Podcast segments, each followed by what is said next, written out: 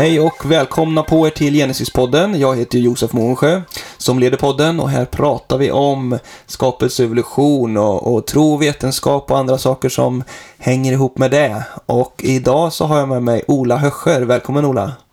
Ja, tack så mycket Josef. Roligt att få vara med idag. Du har ju varit med i podcasten någon gång tidigare och du var ju med på våran årskonferens i i höstas, så du är ju lite känd här. Eh, professor i eh, matematisk statistik, eller vilket håll är det man säger på? Jag glömmer alltid Ja, men det är alldeles viktigt vid Stockholms universitet. Precis. Precis. Och eh, vi ska ju börja här kanske med att presentera en liten spännande grej som är på gång. Jag sa det till dig att du kan ju få göra lite, lite reklam här idag för eh, ett event som kommer ske den 25 februari vet jag att det är. Vill du berätta lite mer? Ja, det är väldigt trevligt. Eh, det är så att jag är med i styrelsen för Skandinavisk teologisk högskola och eh, vi har en vision inom STH, Skandinavisk teologisk högskola, att, att bredda kursutbudet på, slut, på, på sikt. Att även ha kurser som inte bara handlar om teologi utan kurser med en kristen värdegrund. Och, som, och det skulle också kunna vara frågor kring kreationism och förklaring av universums, jordens ursprung, ursprunget av eh, liv eh, på jorden, människans ursprung och så vidare. Och eh, med anledning av det så ordnar vi, som du sa, 25 februari ett heldagsseminarium om kreationism. Och det kommer att spelas in i en tv-studio och, och eh, det är 11 internationellt kända föredragshållare från olika länder, eh, bland annat USA, Eh, Storbritannien och Australien som är experter på olika områden eh, inom naturvetenskap och teologi. Jag tror inte att, du vet Ola, att STH är säkert inte känt för våra eh, lyssnare här. Det är en liten skola. Anders Gerdmar är grundare och rektor. Eh, men däremot så finns det ju många av de här talarna som kommer komma. Det kan ju säkert vara känt för våra skapelsetroende eh, lyssnare och eh, kanske evolutionsförespråkare också kanske känner till en del av de här kreationisterna. Vill du nämna några av dem som, som kommer vara med? Ja, det kommer vara flera genetiker eller biologer som håller föredrag, bland annat, bland annat Nathaniel Jensen. Han kommer att prata om människans historia utifrån Y-kromosomer hos män. Och han har liksom en bok som han ger ut då, där han liksom visar på att ett kreationistiskt synsätt där alla människor och i synnerhet alla män då härstammar från Noa för 4 500 år sedan. Han kan förklara människans historia eh, utifrån det här kreationistiska synsättet och eh, identifiera de olika grenarna i Y-kromosomträdet utifrån eh, Noas tre söner Sem, Ham och Jafet och även folkgrupper lite senare utifrån de, eh, eh, de personer som nämns några generationer efter Noa i Första Moseboken 10. Så det är ett exempel. Sen har vi eh, Robert Carter, han är också känd eh, genetiker, kreationist som ska prata om människans ursprung. Han går ända tillbaka till Adam och Eva. Eh, människans eh, genetiska ursprung utifrån att Adam och Eva levde för 6000 år sedan eh, och, och, och se, visa på att genetiska data talar för det. Vi hinner, vi hinner inte gå igenom alla eh, föreläsningar, men nämn några namn till bara så kan det Ja, vara ja, jag kan intressant. nämna några till. Jeffrey Tompkins, han kommer också tala om liksom att eh, eh, den här modellen att, att eh, allt liv kan delas upp i, i grupper svarande mot, svar, svarande mot skapade slag. Eh, vi har eh, Stuart Burgess eh, som är eh, professor i, i, i Bristol i England. Han kommer att prata om att ledsystem hos människor är liksom irreducibelt komplexa. Alla delar måste finnas på plats för att de ska funka.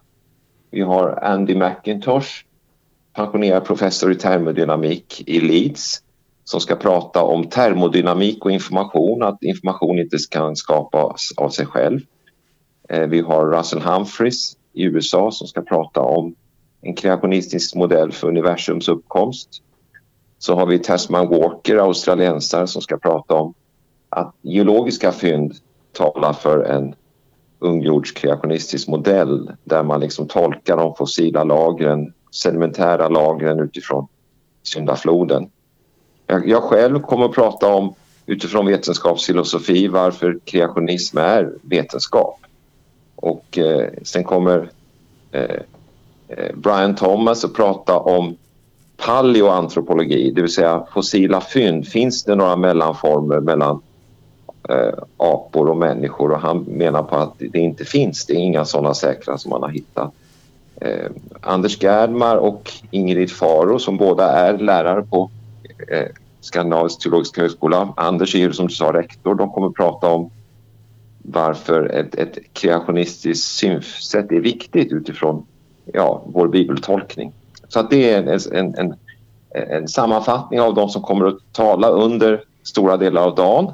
Så vi har förinspelade föredrag och sen så, eh, så ställer vi lite frågor. Eh, respektive föredragshållare är uppkopplad efter sitt föredrag och sen, Eh, sen så mot slutet av dagen så blir det ett modererat samtal där alla föredragshållarna är uppkopplade och är med.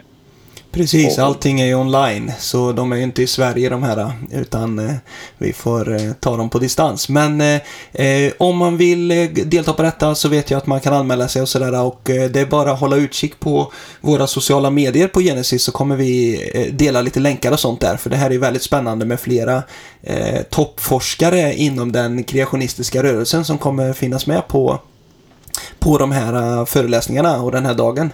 Eh, 25 februari, Ola, är det ju. Så det behöver ja. man boka in. Jag tror det räcker för ja, idag. Liksom. det är jätteroligt. Ja. Så boka in det. Gå in på www.teol.se kreationism. Där kan man anmäla sig.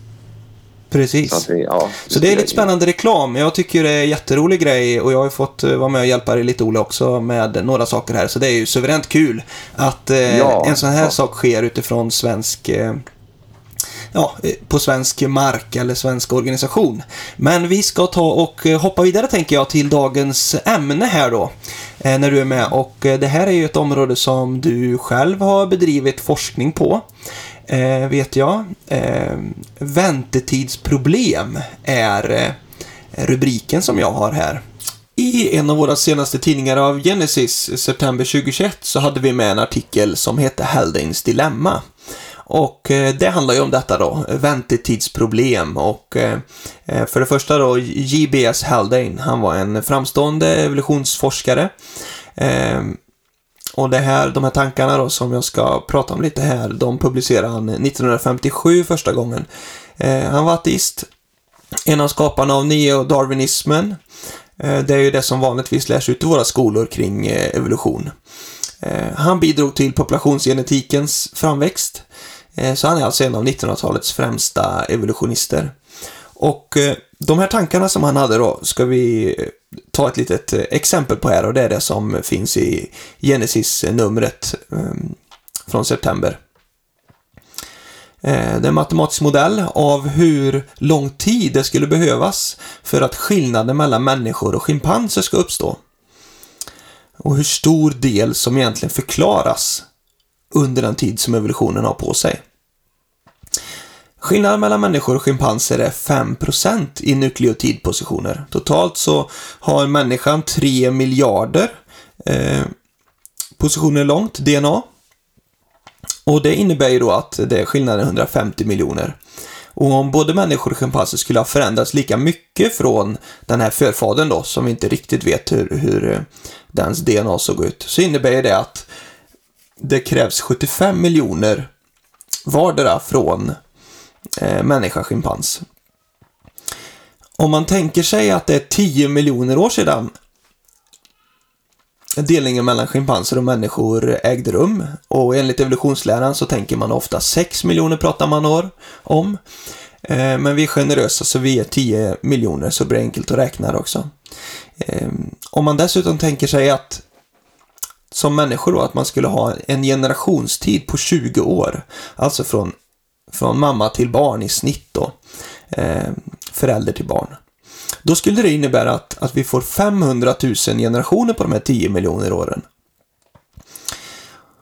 Och sen då om man tänker sig vad gällande mutationer, att det skulle ha skett en mutation per generation som är konstruktiv, som bidrar till utvecklingen, eh, som också sprids till hela populationen, hela eh, gruppen av människor som, som finns då.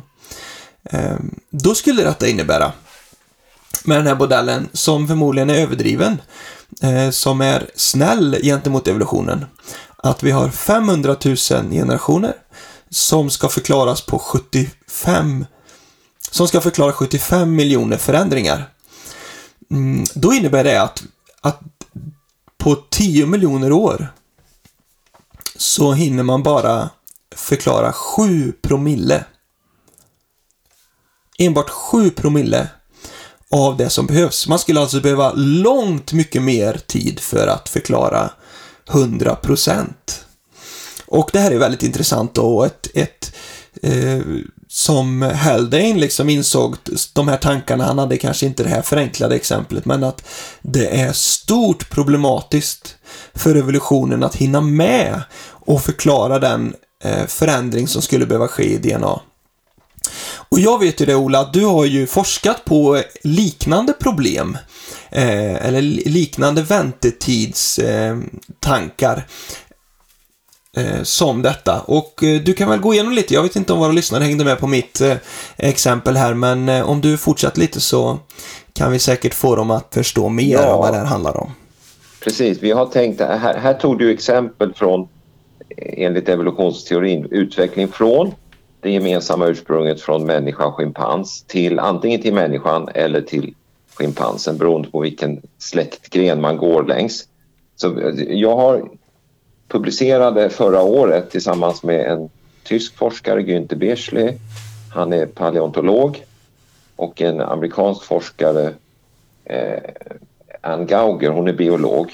Vi, vi, vi utvecklar en matematisk modell som är av liknande slag Eh, hur lång tid skulle det ta att utveckla eh, DNA från en första art till en senare art eh, om, om, det, om det krävs vissa genetiska förändringar. Och nu tittade inte vi på hela genomet utan vi tittade på den del av DNA som eh, behövs för att utveckla en, en viss typ av struktur. Det kan vara eh, fåglar som ska få vingar med flygförmåga. Det kan vara delfiner som utvecklar navigationssystem. Eh, det kan vara eh, liksom eh, valar som enligt evolutionsteorin liksom eh, eh, går tillbaka till vatten från land och, och från gående till simmande valar och så vidare. Eh, och, och, eh, eh, och, och ja, och, och, och då använder vi matematiken bakom evolution, det kallas för populationsgenetik, för att räkna ut hur lång tid det skulle ta att åstadkomma de här förändringarna. Och, och, då, och, och vi var, gjorde ganska snällt antagande. Vi, eh, vi sa att ja, men anta att det inte krävs att några nya gener bildas utan bara att uttrycken, alltså generna kodar ju för olika proteiner i cellerna och eh, olika gener är aktiva i olika delar av kroppen. Och, och, och och eh, ofta krävs det lite förändringar i DNA även för att uttrycka en gen. Så att i en, i en hjärncell så är det andra gener som arbetar än i en hudcell eller en levercell. Så att vi, även då, det krävs mycket mindre förändringar för att ändra uttrycket av gener som redan finns. Men även då kom vi fram till att om man nu ska bygga upp ett nytt system, det kan vara eh, liksom, Eh, fågl, vingar hos fåglar, det kan vara utveckling av navigeringssystem eller utveckling av fotosyntes hos växter. Så är den tid, eh, tid det krävs, den, den växer exponentiellt med antalet gener som är involverade för att den här förändringen ska äga rum. Och det är även fast de här förändringarna är, är, är neutrala, selektivt neutrala. Om det dessutom är så att det här är en irreducibelt komplext system man måste ta fram. Till exempel ett nytt öga. Ett halvt öga är ett icke-fungerande öga. Då kan det vara att alla me mellanformer har en selektiv nackdel. Det är först när allt är på plats som det finns eh, som man har en selektiv fördel. Då tar det ännu längre tid. Och, och, och, eh, tanken är då att man ska räkna teoretiskt på hur lång tid det tar att åstadkomma den här förändringen. Och sen antar man en evolutionistisk eh, eh, modell för hur man ska tolka de sedimentära lagren i berggrunden. Och då är det ju så olika skikt. Som kreationist har man då en annan tolkning utifrån syndafloden. Men om man nu antar att det här är olika skikt i den, eh, i den i, i den eh, sedimentära berggrunden och, och, mellan de här skikten har det skett såna här snabba eh, förändringar. Det är den här teorin om punktuerad jämvikt, att evolutionen har gått långsamt och så ser vi fossil lämningar av djur under lång tid och sen plötsligt så sker det förändring och då, då, då, upp, då uppstår nya djurarter. Och, och, då tänker man sig att evolutionen ska ha skett mellan de här två, eh, två eh, perioderna av jämvikt. Och då kan man uppskatta då, om man tror på de radiometriska metoderna för åldersbestämning, även de kan man ifrågasätta, men om man tror, tror på dem så kan man uppskatta den tid som evolutionen har på sig att verka.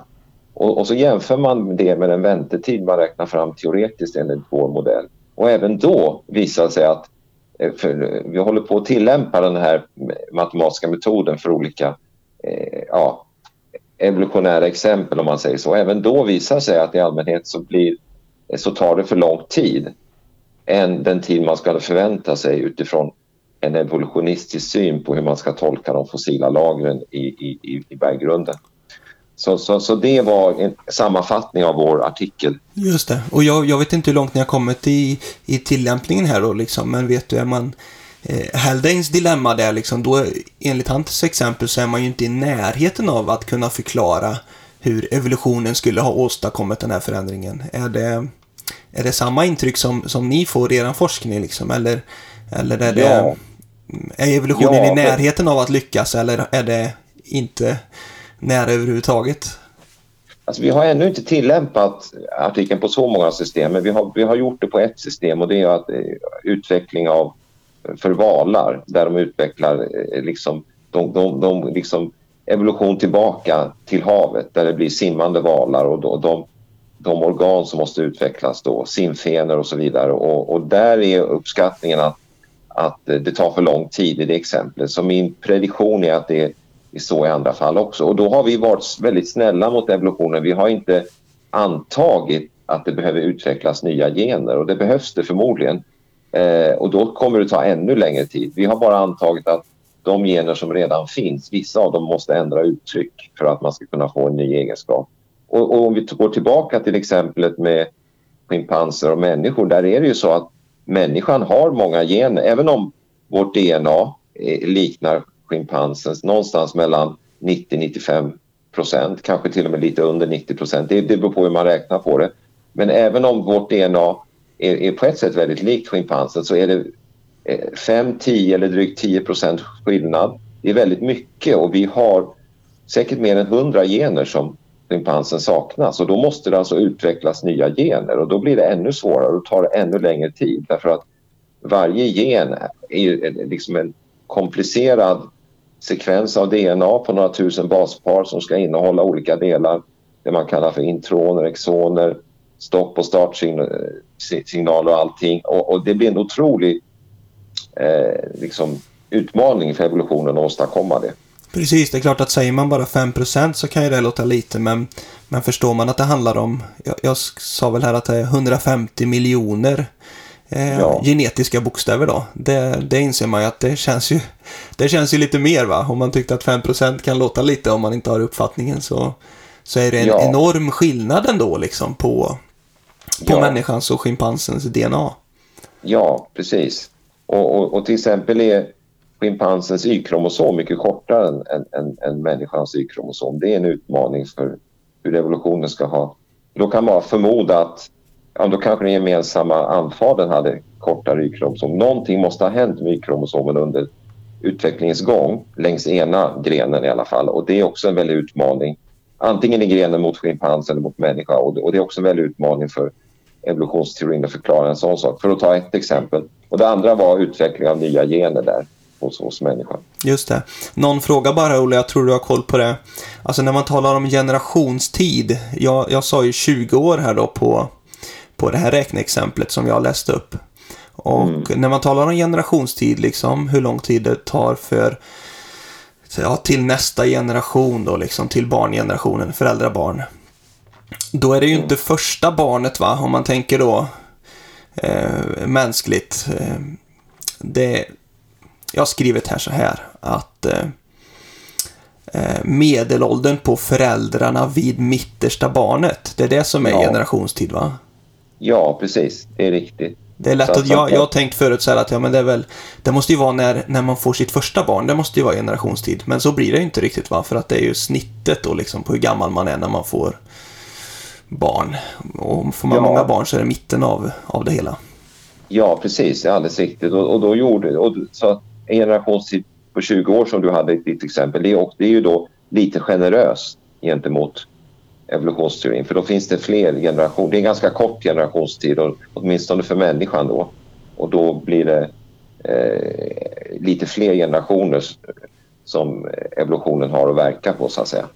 Här, här blir en fråga då som kanske går utanför det vi har pratat om innan i manus, Ola. Men alltså generationstid, ser man skillnader på mäns och kvinnors eh, generationstid? För det måste väl, i, bland människor så är det väl säkert vanligt att män har varit äldre, va? Har haft en längre generationstid. Eller vet du det?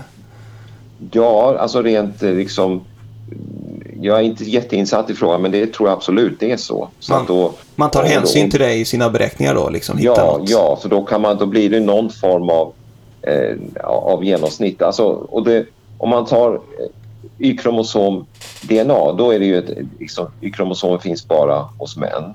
Då tar man den manliga generationstiden och mitokondriellt DNA som ärvs ner på, från mamma, då tar man den kvinnliga eh, generationstiden. Men annars som du säger, om det är andra typer av icke-könskromosomer, om man går- tar släktlinjen bakåt eh, från en, en, viss krom, en viss del av en kromosom, då kommer det både, i den släktlinjen både finnas män och kvinnor beroende på om man ärver ner till exempel från farfar eller farmor. Och då blir det någon slags genomsnitt av den manliga och kvinnliga generationstiden. Eh, precis som du säger. Just det. Eh, här har vi någon, alltså när jag läste på detta lite då, så, så stod det på Wikipedia stod det så här när jag läste om eh, väntetidsproblem och Haldanes dilemma och sådär. Att eh, det var någon som hette Moto Kimura som kom med någon teori 1968 eh, som hette ja, den neutrala teorin eller något sånt där. Där det handlar om att de flesta mutationer som som driver evolutionen enligt detta då, att de är neutrala. Och vi pratade ju, jag och Göran Schmidt då, det har inte du hört detta Ola, men eh, vi spelade in ett avsnitt här innan så våra lyssnare kan eh, referera tillbaka till föregående avsnitt där vi talade om detta med eh, mutationer och eh, eh, vi pratade om att mutationer kanske istället bryter ner DNA istället för bygger upp. Så det finns ett avsnitt tidigare här som, som eh, handlar om det hela, så lyssna gärna på det. Men eh, det här med neutrala mutationer då, det pratade vi lite om i tidigare avsnitt, jag och Göran Schmidt. Eh, alltså är det en... Är det någonting som hjälper liksom Haldanes dilemma till exempel? Eller den här neutrala teorin då som Moto Kimura eh, har föreslagit. Du är säkert hyfsat insatt i det hela va? Ja, jag skulle säga att den egentligen inte gör det. Eh, nu, precis som du säger så skrev, utvecklade eh, Moto Kimura sin neutrala teori. Eh, han började eh, ett, ett, en artikel från slutet av 60-talet och sen skrev han i bok, en, en, en bok i samma ämne drygt tio år senare. Eh, och, och, och han utvecklade sin neutrala teori delvis i respons mot eh, Hal- dilemma eller ett försök att förklara den. Och Precis, för bara- om jag bara klipper in igen då, alltså på Wikipedia står det ungefär så att ja men det här Moto Kimuras eh, tankar, det liksom löste Haldanes dilemma. Eh, skriver man typ där. Ehm, Ja, ja, ja, precis. Det skulle jag säga att, att det inte gör. Eh, Alltså, Kimura han var ju andra generationens populationsgenetiker. Han, var, han är en av de absolut främsta också. Fantastiskt duktig matematiker. Som du sa i inledningen så var ju Haldane en av grundarna till populationsgenetiken. Haldane, Eh, Ronald Fisher och Sewell Wright, de tre var grundarna. Och sen kom Kimura som andra generationens främste populationsgenetiker. Men eh, det här anknyter till det du och Göran pratade om i ett tidigare avsnitt att sådana här neutrala mutationer eh, de eh, alltså mutationer är ju en form av kopieringsfel eh, eller man brukar kalla det för germline mutation när eh, DNA ärvs ner från föräldrar till barn och eh, eftersom mutationen är en kopierings, en form av kopieringsfel så är de allra flesta, det är väldigt få som är liksom har en selektiv fördel som gör att, att, att avkomman får, kan till exempel få fler barn eh, utifrån den mutationen. Utan de allra flesta är vad ska vi säga, slumpmässiga, neutrala eller svagt skadliga. Är de starkt skadliga, då överlever inte barnet. Men de allra flesta är neutrala eller svagt skadliga. Och då är det, och då är det så att, att då det, och det anknyter till det du och Göran talade om i tidigare program, att då är det snarare så att, att det, det naturliga urvalet klarar inte av att rensa bort alla de svagt skadliga mutationer som kommer över tiden. Eh, eh, däremot är det ju riktigt att eh, liksom, det är väldigt få eh, mutationer som ger en selektiv fördel eftersom mutationer är kopieringsfel. Då var det ju naturligt för Kimura att tänka på ja, men då, då, om, om, om det nu är så få eh, fördelaktiga mutationer eh, då måste de här förändringarna kunna förklaras av majoriteten av, av, av mutationer och då tänkte han ja, men då tar vi de neutrala mutationerna. Eh, och så utvecklade han en teori för det och de är ju ändå många fler. Men eh, eh, om man även tar med de svagt skadliga mutationerna så menar jag på att, att eh, det naturliga, att, att den här teorin räcker inte. Och dessutom är det ju så att, att eh, för att bygga upp helt nya strukturer som, som, vi, som jag pratade om när jag sammanfattade vårt väntetidspapper, bygga upp helt nya strukturer, fåglar som ska utveckla vingar och så. Då räcker det inte med neutrala mutationer, då måste, för då har ju den här, det här nya organet som vingar har ju en selektiv fördel i den här nya miljön. Eller det kan vara pigmentförändringar som behövs när det blir miljöförändringar, det blir kallare. eller, eller förändringar i syreupptagningsförmåga om man flyttar till högre höjder och så då måste det ju till att det utvecklas nya eh, anlag som har en selektiv fördel i den miljön. Så att då räcker det inte med den neutrala teorin. Så Nej, för det är klart att det, det, kan ju, om det bara sker massa neutrala mutationer och det, om man lyssnar på föregående avsnitt så ifrågasätter Göran lite det också om det verkligen är eh, strikt neutrala mutationer eller om de flesta är svagt negativa och det påverkar ju väldigt mycket. Men eh, Eh, om man tänker sig att de verkligen skulle vara neutrala så det behöver ju ändå samordnas liksom för att bli någon eh, struktur då som du pratar om här. Så det, ja, det, det kan väl inte hjälpa någonting. Det är klart att DNA kanske blir möjligtvis större då med hjälp av ja. neutrala mutationer men det hjälper ju inte med massa bokstäver som bara ligger huller om buller utan det behöver ju bli någon samordning. Ja, exakt. Det är det som är kärnpunkten som du nämner. Man kan jämföra med en skriven boktext om, om man nu kopierar den boktexten generation för generation rent slumpmässigt eh, så, är det så, så är det så att de här kopieringsfelen de bryter ju ner information som finns. Eller man kan också tänka sig att man startar med en helt slumpmässig textmassa som inte har eh, någon mening och så gör man slumpmässiga eh, förändringar och tänker sig att det ska bygga upp förståelig text. Och då inser man med den analogin hur svårt det är för neutrala mutationer att eh, skapa någonting som är förståeligt, något som är, bär information. Och det är just det som Andy McIntosh kommer att prata om under det här seminariet eh, den 25 februari. Att eh, slumpmässiga mekanismer kan inte bygga upp ny information, vare sig utifrån informationsteori och det, han tar också analogier till termodynamik. Eh, så att precis, det är precis som du säger. Om vi kopplar in detta med eh, eh, skräp-DNA och sånt där också. Eh, det pratade jag och Göran om i förra avsnittet med. Alltså skräp-DNA mm, trodde man ju väldigt mycket förr att en stor del av vårt DNA är bara skräp liksom. Men idag så har man ju börjat inse då med, eh, i och med det här Encode-projektet som har varit ett stort projekt, man kan lyssna på föregående avsnitt. Eh, där berättar vi om att eh, man har insett att det är inte skräp liksom, största delen av DNA. Man vet väl inte fullt ut än, men från att ha trott att bara kanske 2% var ehm, eh, DNA som hade funktion så vet man idag att det är över kanske 80 procent som säkert kommer stiga med. Men hur hänger detta ihop med Kimuras eh, exempel? Han trodde ju verkligen att ja, men neutrala mutationer, det kan ske lite överallt i, i DNA då liksom. Men när vi har börjat inse att DNA är fyllt fullt med information då kan det väl inte finnas så stort utrymme för neutrala mutationer att ske heller, eller hur? Nej, är det rätt precis, tanke?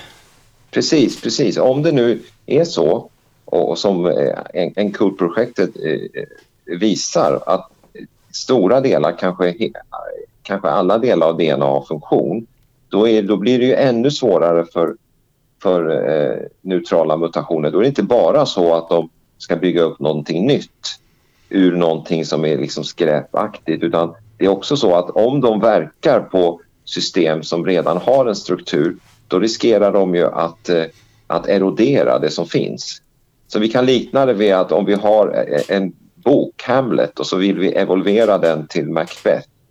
Eh, och, och, då måste det är inte bara så att vi ska ta fram texten i Macbeth utan, eh, utan vi kommer också under tidens gång förstöra det som står i Hamlet så att säga och, och bryta ner det. Och i, i liksom mellanperioden där så har vi liksom varken eller.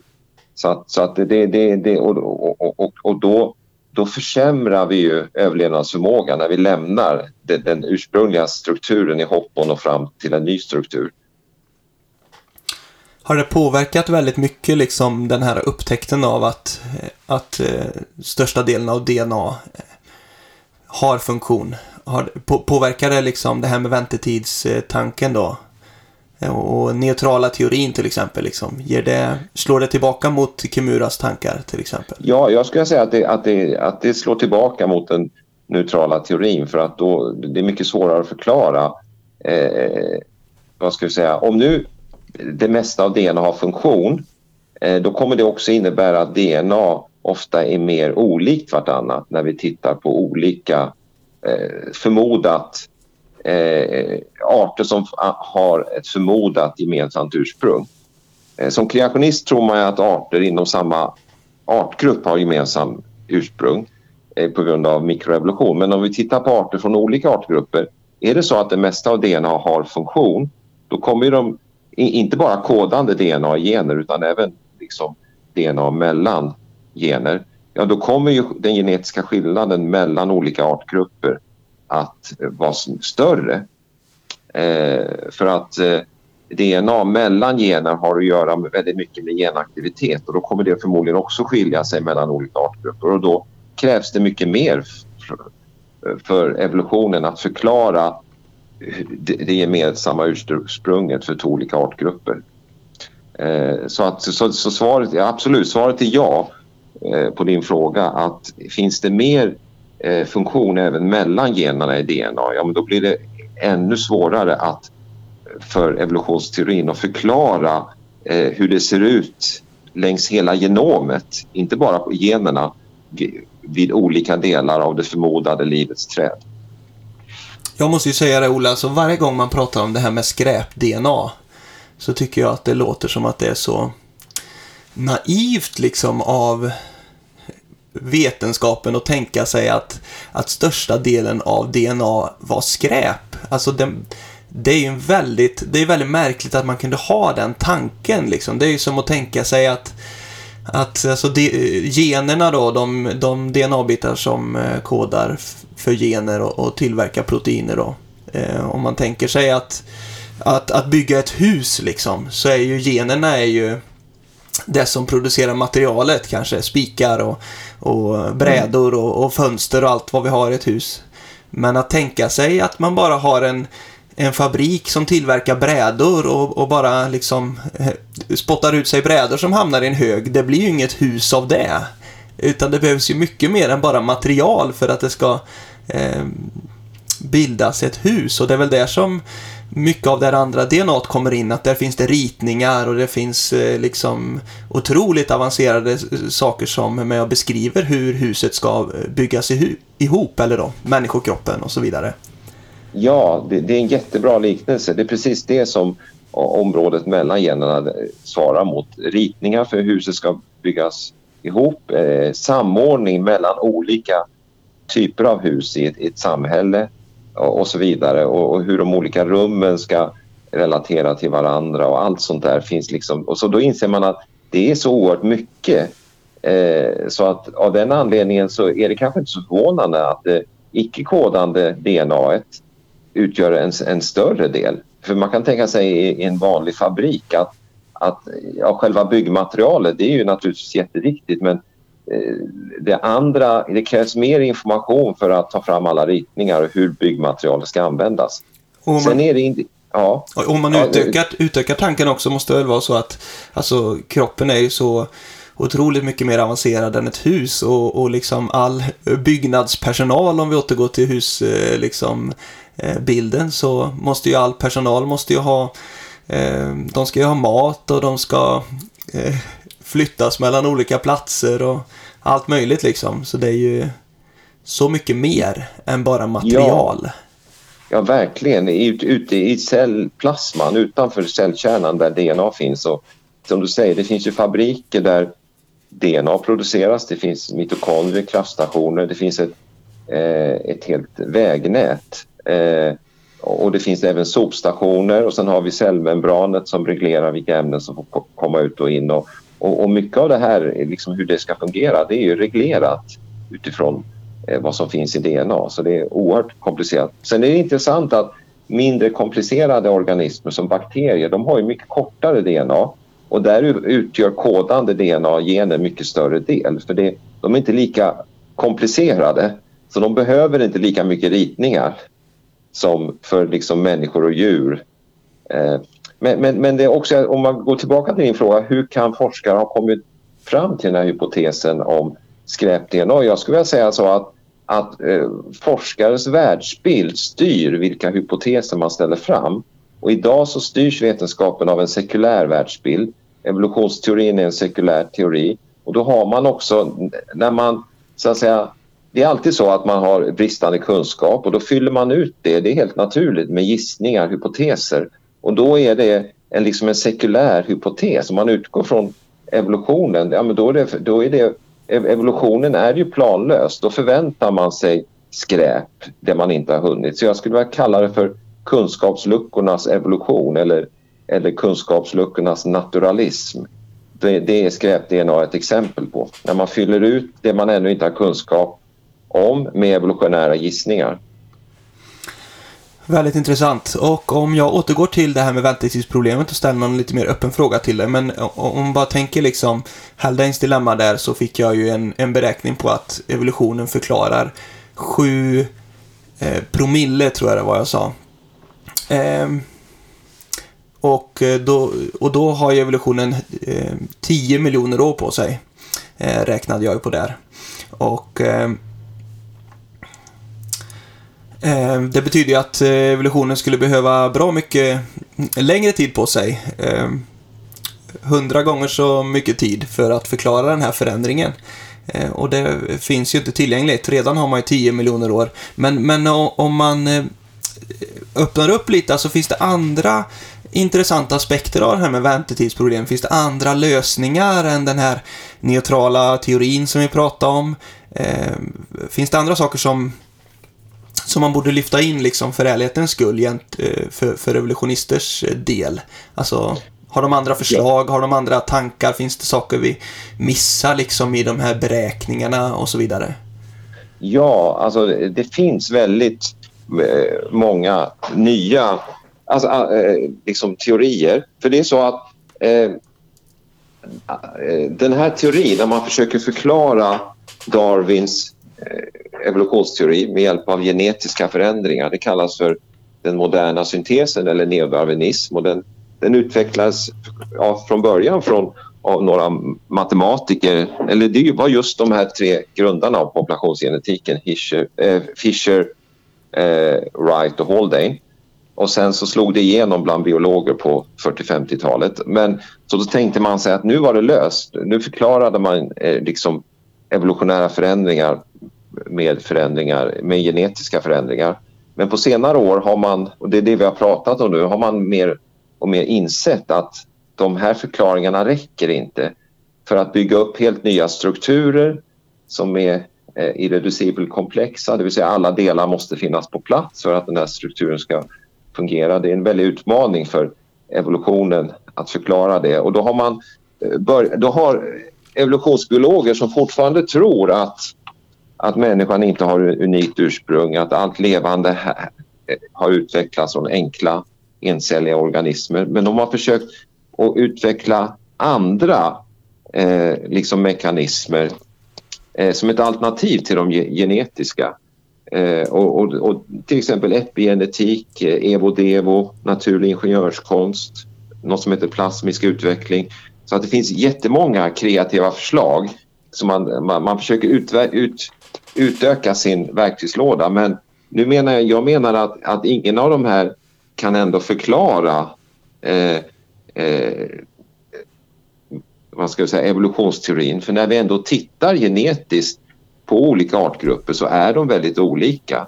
Så att vilka typer av förändringar man än har, at the end of the day så måste man ändå ha genetiska förändringar för att utvecklas från en artgrupp till en annan. Och, och, och, och, och, och sådana mekanismer, vad jag vet, så, så, så finns det inga sådana kända mekanismer. Men det pågår väldigt mycket kreativ forskning inom området och det är ju ändå eh, jag tycker ändå väldigt bra att evolutionsbiologer vågar frågasätta den här traditionella neodarwinismen. Att det inte bara är genetiska förändringar som styr evolution utan även epigenetik till exempel som har att göra med styr att eh, förvärvade egenskaper i form av genaktivitet som ligger liksom utanför DNA, att det kan ärvas ner några generationer. Men det har ändå svårt att förklara hur genetiska förändringar uppstår.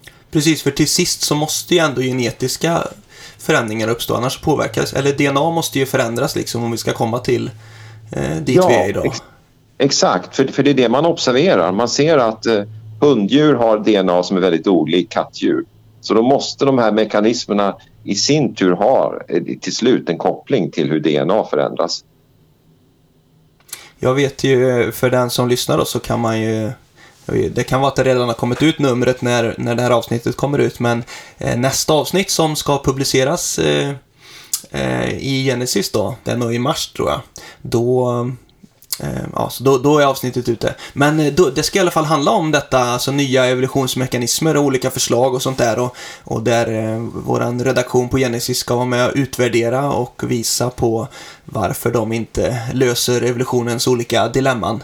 Så är man inte prenumerant så kan det vara ett bra läge efter att ha lyssnat på det här avsnittet om man är sugen på att läsa lite om Eh, varför nya evolutionsmekanismer eller förslag på, på sådana teorier inte är med och löser detta.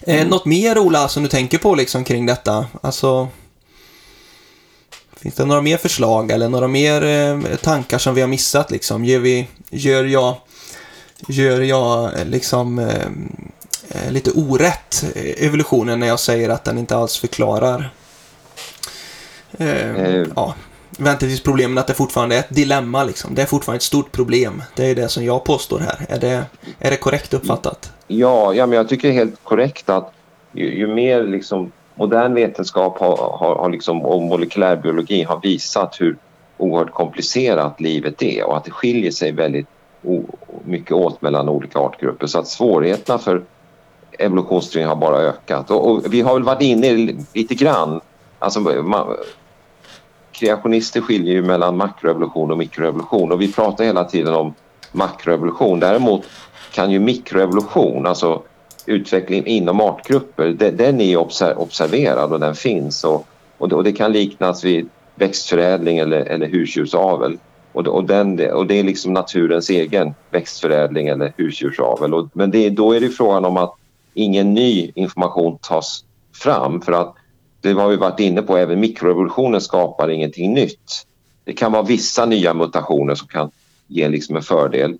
Eh, men, men i princip är det så att man väljer ut av den information som redan finns. Så vi kan ju jämföra med liksom en, en, en, en, en greyhound med en chihuahua-hund. De, de liksom fungerar bra i olika miljöer. Eh, men de skiljer sig väldigt mycket från en, en, en urhund som kanske mer liknar en varg som är kanske mer livskraftig till och med. För att det där innebär evolutionen att eh, i mikroevolutionen att liksom vissa eh, anlag eh, väljs ut ur en pool av anlag som fanns från början när Gud skapade det första paret inom den artgruppen. Och, och, och, på samma sätt om vi tänker sig människan som sin egen artgrupp att alla människor härrör från Adam och Eva då kan Gud ha skapat Adam och Eva med variation och sen så har, har liksom utvecklingens gång har vi fått olika folkgrupper. Vi ser lite olika ut och det är exempel på mikroevolution. Människor är ju väldigt lika varandra genetiskt men det är också exempel på att, att, att det kan vara till en, till en del kan det bero på mutationer som har kommit under tidens gång men mycket är det frågan om variation som redan fanns hos Adam och Eva. Just det. Så, ja. så att det är väl en, så att jag, jag tycker du, att det har varit en rättvis bild av evolutionen men, men man kan, det är alltid bra att lyfta fram det här att, att ofta att, att mikro och makroevolution, den ena är ju vetenskapligt liksom visat mikroevolutionen, att det alltså finns men det är makroevolutionen, det är den som är, liksom kan frågasättas och, och, och det blir allt svårare menar jag att påvisa att den finns. Mm. Jag ska rätta mig själv här också. Jag sa 7 promille förut, men 0,7 var det nog jag pratade om från början, står det i mitt dokument här. Så det är ju ytterligare en mindre andel som evolutionen klarar förklara här enligt eh, Haldanes eh, dilemma. Ehm, Just det. Just så... det, för det var när du tog till stasis där, ja. Då ja, blev det ännu mindre. Precis, just det. Det var det ja. Det har vi, vi pratat lite om stasis, just det. Ja, men då är det 7, 7 promille vi har pratat om framförallt här. Men eh, detta är ju intressant Ola. Och eh, man får helt enkelt eh, ladda för den här eh, kreationistdagen som kommer här sen då. Och så får man prenumerera på Genesis, det vill jag ju uppmuntra till mycket. Mm. Eh, håll ja. utkik på sociala medier så kommer det information om lite av varje. Man får gärna skicka in frågor och eh, åsikter till oss på podden här också. Eh, till podden genesis.nu med podden med 2D. Eh, och tack så mycket Ola för att du var med och eh, samtalade här idag. Ja, tack så mycket Josef för att jag fick vara med. Stort tack. Jätteroligt. Och ha det bra med er allihopa som lyssnar. Hej då på er. Hej då.